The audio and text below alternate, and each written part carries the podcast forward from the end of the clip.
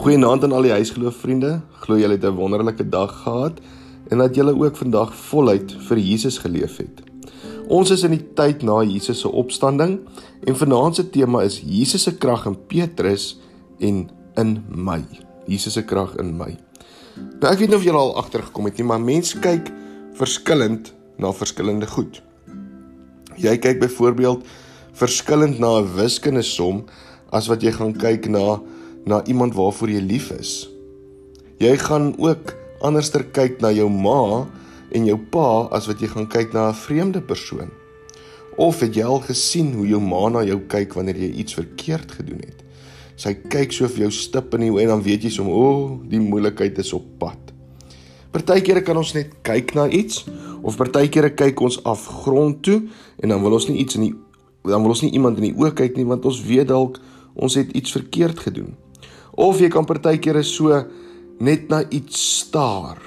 Verby iets kyk jy na iets staar en dit gebeur mos gewoonlik wanneer ons in die klas sit en wanneer ons aandag nie meer by die werk is nie. Dan sal ons so na iets in die klas sit en staar, maar jy is nie jy's daar maar jy's op nie eintlik daar nie. Nou in die Bybel sien ons die woord vir vir kyk en wanneer jy iets aandagtig kyk, wanneer jy na iets kyk en dit verstaan, sien ons die woord vir dit word gebruik blepo. Nou dit is die Griekse woord vir om te kyk na iets en te verstaan. Ons sien dat Jesus na sy opstanding het hy vir sy disippels gesê dat julle sal sien en julle sal verstaan. Julle sal krag kry om dinge te doen wat nog groter is as die dinge wat ek gedoen het. En vanaand se storie kry ons hier in Handelinge 3 vanaf vers 1 tot vers 10 as ons sien hoe Petrus en Johannes die verlamde man gesond maak. Een middag om 3 uur, die tyd van gebed, was Petrus en Johannes op pad tempel toe. Net toe word daar 'n man aangedra wat van sy geboorte af lam was. Sy mense het hom elke dag by die tempelpoort wat mooi poort genoem is neergesit om by die tempelgangers te bedel. Toe hy vir Petrus en Johannes sien net voor hulle in die tempel ingaan, het hy vir hulle iets gevra. Petrus en Johannes kyk na hom stip en Petrus sê: "Kyk na ons." Toe kyk die man na hulle in die hoop dat hy iets vir hulle gaan kry of dat hy iets by hulle gaan kry. Maar Petrus sê: "Geld het ek nie, maar wat ek het, gee ek vir jou. In die naam van Jesus Christus van Nasaret, staan op en loop." Hy vat toe die man se regterhand en hy help hom op en onmiddellik het sy voete en enkels sterk geword. Hy het opgespring en regop gestaan en hy kon loop. Daarna het hy saam met hulle in die tempel ingegaan terwyl hy geloop en gespring het en God geprys het. Al die mense het gesien dat hy loop en God prys.